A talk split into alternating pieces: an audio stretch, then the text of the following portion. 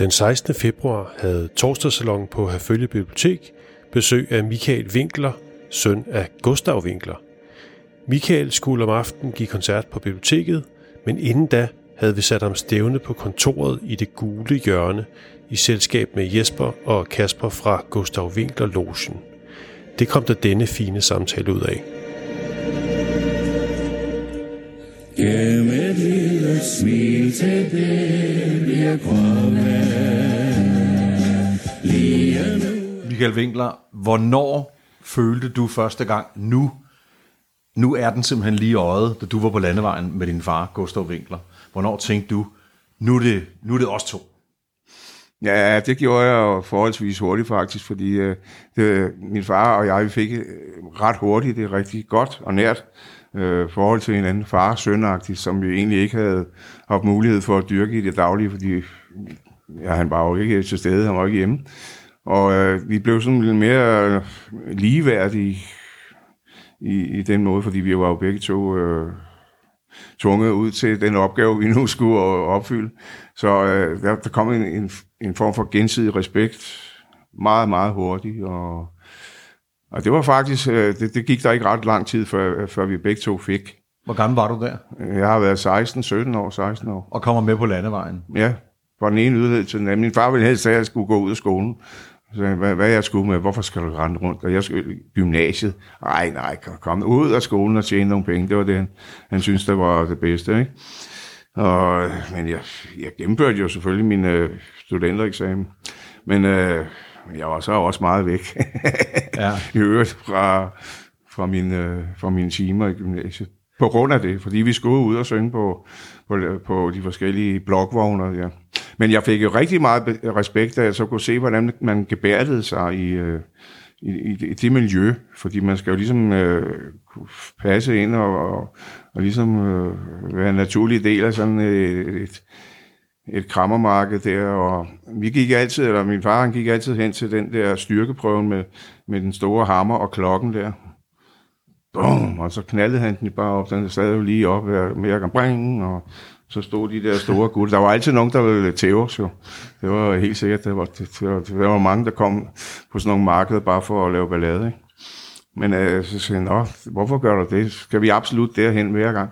Så sagde han altid, så ved de skulle have vinkler at komme til byen. Sådan. Så var der ikke så meget ballade mere. Og det var familien Winkler, for I havde jo også øh, Gustavs bror Jørgen. Ja, Jørgen var også med. Ja.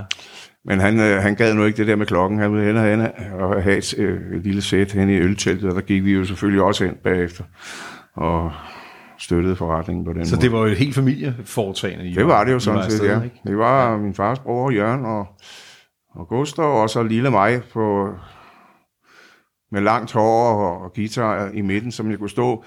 De blev kaldt King Size Brothers, så... Og det var de jo så også. Især Jørgen. Han De var store, de var store. Han hørte ikke til de mindste. Han var jo en... Han vejede nok 160 kilo. Min far, jeg tror, jeg vejede 140, så... Ja, jeg kan huske, at vi, vi indledte altid med, at øh, min far og jeg, vi kom ind på scenen. Ja, her er min søn, og her er mig.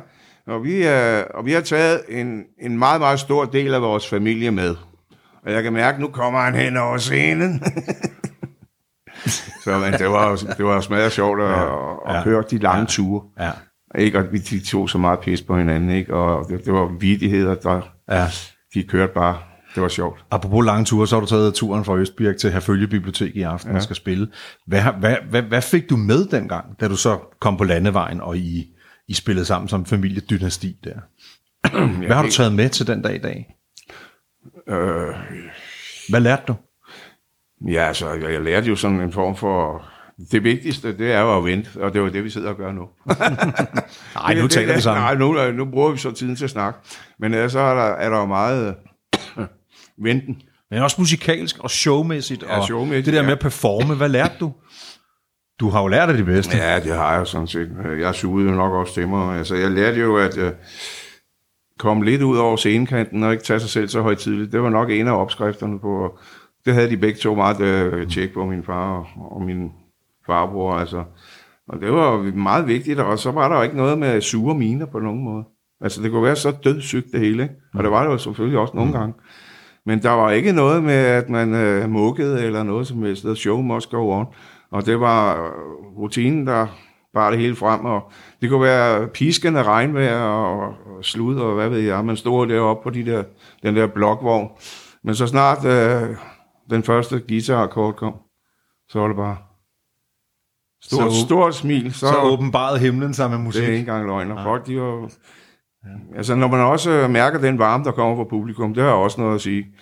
Øh, nogle gange kan der jo opstå helt ping-pong, magiske Ja. ja. øjeblikke fra Ja. ja. publikum. Ja. Og det, det skal man jo også lære at, at, at kigge efter og, og dyrke. ja. Så er, så er man ligesom inde i varmen. Ja. Så. For mange mennesker er Gustav Winkler jo øh, bare et, et par sange, de lige kan nævne fra, fra en, en, en, en fjern fortid.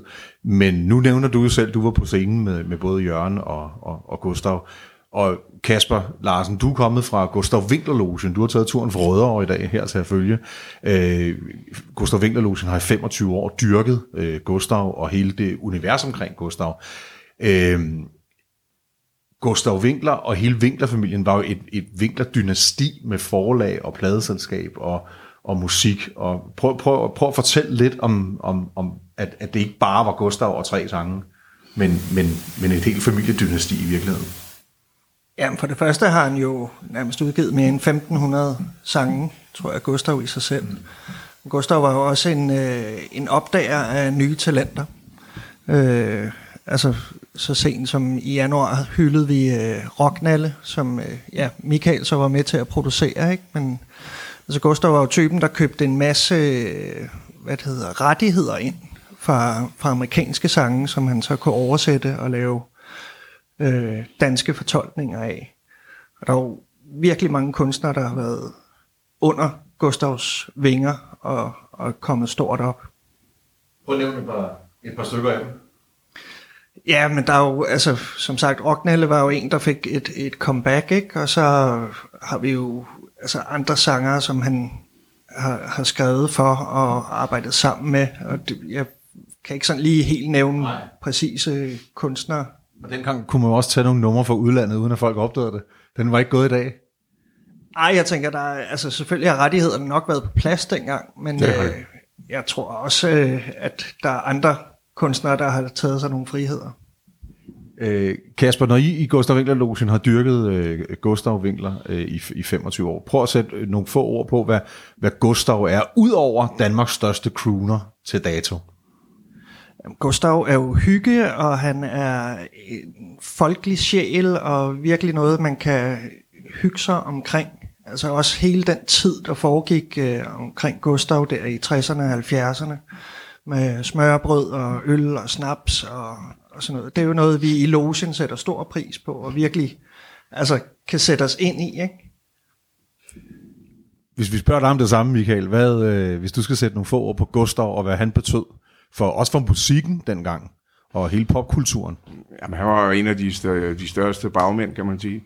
Pionerer inden for mange ting og sager. Blandt andet, hvis vi skal nævne endnu længere tid tilbage, altså før Rockner eller det der, så var han jo med til at, og øh, altså styrke folkemusikken i Danmark, og øh, de progressive kunstnere, som fandtes dengang. Altså, vi snakker om... Øh, Cæsar for eksempel, Per Dick og Trille, og ikke mindst Paul Dissing har han jo også opfundet, som jo øh, blev folkeeje på sine gamle dage, men som jo dengang var, var ret så udskilt på grund af sine fortolkninger af de gode gamle øh, danske sange, såsom øh, Giv mig en hestmor og øh, Lille sommerfugl og så videre, og så videre. Og min far, han øh, bestilte ikke andet end, at, end at forsvare ham, fordi han kunne godt høre, at manden, han, han sang fra hjertet, og, øh, og det fandt folk jo efterhånden også ud af. Så øh, det er i hvert fald nogle af dem. Så var han jo, også- havde han også en ben, øh, et ben med i pigtrådsmusikken dengang. Og blandt andet Defenders har han jo øh, produceret, og mange andre øh, beat- og rockmusikere.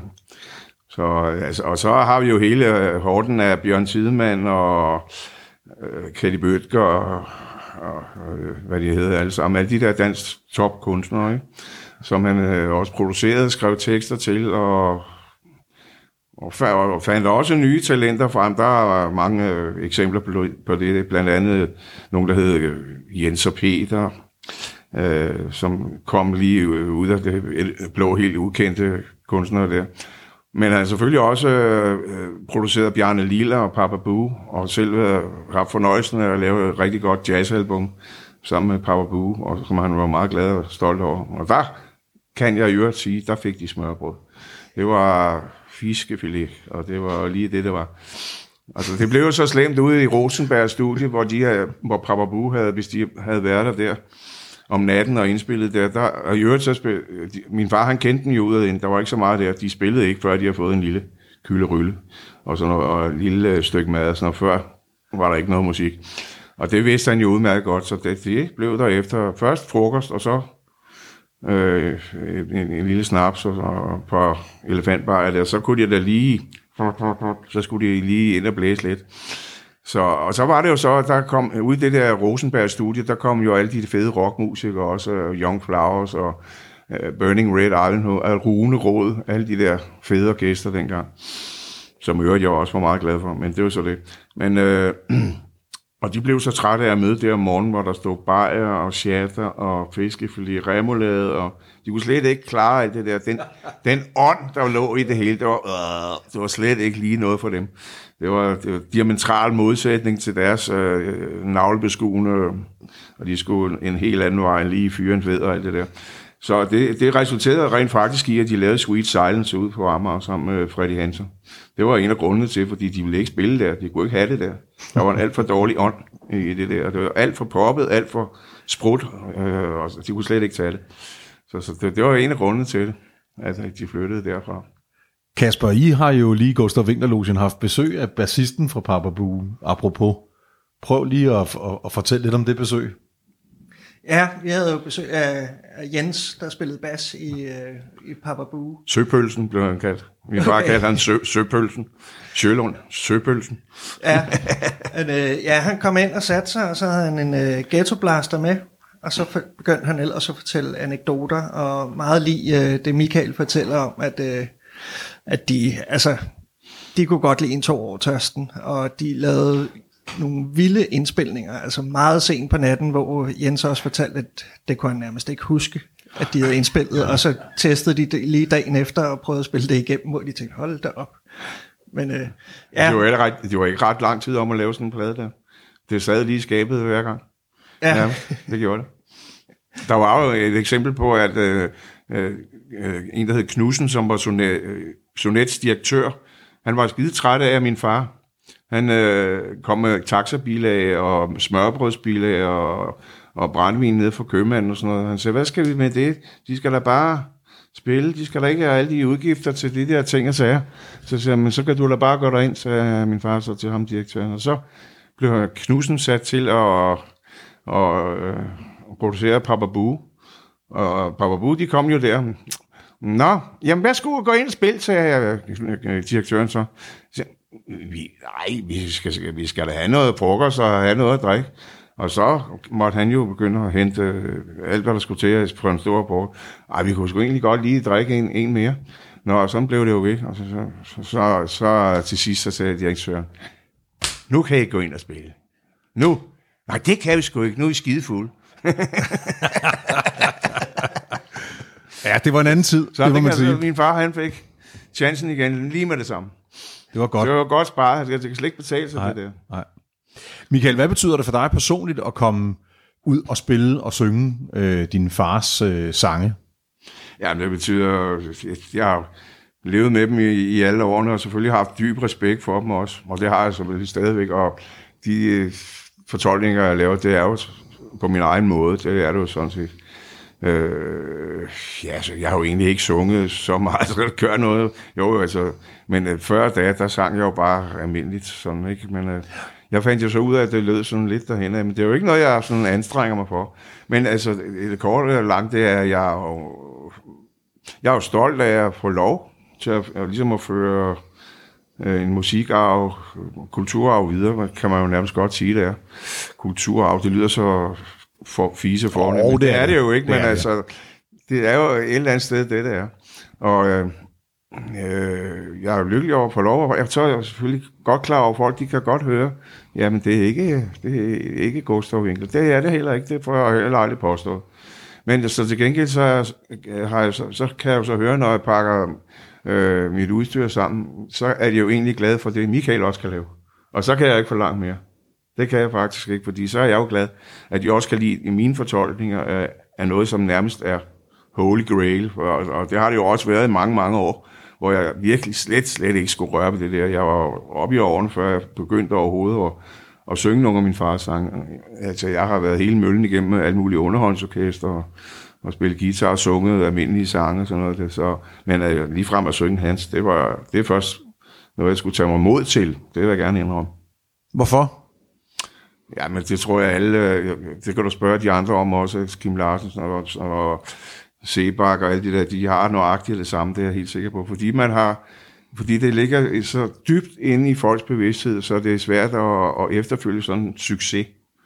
Så det, den, øh, det, jeg kan, det, det, jeg kan bidrage med, det er nærmest en hyldest, havde han sagt. Jeg kan jo ikke, mm. øh, jeg, jo, jeg kan tilføje det nye, og det er mig og min udgave af det, ikke? Men, øh, og jeg er her trods alt stadigvæk. Altså, sådan kan vi sige det, ikke? Alle de store fra den gang, alle hans legekammerater, alle øh, banditterne der, jamen de er her ikke mere. Men jeg er her stadigvæk, og sådan opfører jeg det. Sådan opfører der publikum det også. Mm. Og, øh, og de er sådan set, jamen så hygger vi os med det. Altså, sådan er opskriften, ikke? Synes du ikke, der går lidt jantelov i den der, øh, Kasper? Kasper Larsen fra, øh, fra Gustav Winkler Altså, Michael Winkler, det ligger da ikke så langt væk fra Gustav, gør det det? Nej, det synes jeg heller ikke. Jeg synes, det er helt fantastisk. Og, altså, vi nåede ikke at opleve din far, men altså, at få dig, det synes jeg har været helt fantastisk. Og I har haft ham ude to gange, Michael, og, og synge for logen, ikke? Jo, altså første gang var til et decideret logemøde, øh, hvor Michael troppede op og så vores, vi har sådan et stort museum øh, med plader og klenodier fra den gang, hvor Michael kom ud og spillede et par sange, og vi sad og, og sang med. Og en anden gang har været til Ollermandens øh, 50-års fødselsdag, hvor Michael kom ud og spillede. Og det, det har været fantastisk hver eneste gang, vi har, har mødt dig. Ja, tak i lige måde. Selvom der ikke har været sild og snaps og smørbrød. Nej, det tror jeg jo ikke. Jeg, altså, jeg, altså, det, der er jo slet ikke nogen fest i dag det, i det at være musiker. Det er der slet, slet ikke. Den der tredje halvleg, den kan man godt glemme alt om. Ja. Og altså for mit vedkommende er den der slet ikke til stede. Uh, jeg bruger ikke det der. Det er der i virkeligheden ikke ret mange uh, solister og, og, og musikere, der, der er på den der Nej. På den der, på, som er på den. Fordi det, lad os sige på den måde også, der er alt for mange om det. Og der står hele tiden en og puster ind i nakken, så man skal ikke lave alt for mange fejltrin og danse rundt i sovsen et eller andet sted. Det, det, det skal man altså ikke. Og det, det, det er også en helt anden livsstil i dag. Musikere, de møder op til tiden med renskurede negle og, og dansk vand og alt det der. Sådan er det. Så kan man sige, om man kan lide det eller ej. Tak for din uh, tid, Michael. Lad os håbe, det bliver en fest her på Herfølge Bibliotek ja, i aften alligevel. Og det er altså smørbrød lige på den anden side af den dør her. Sådan. Ja. Tænk, hvis jeg var verdens herre, fik du bare sol og glæde på din vej.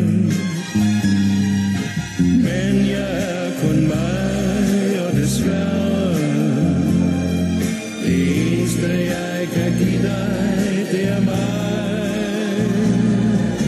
Gem et lille smil til det bliver farvel.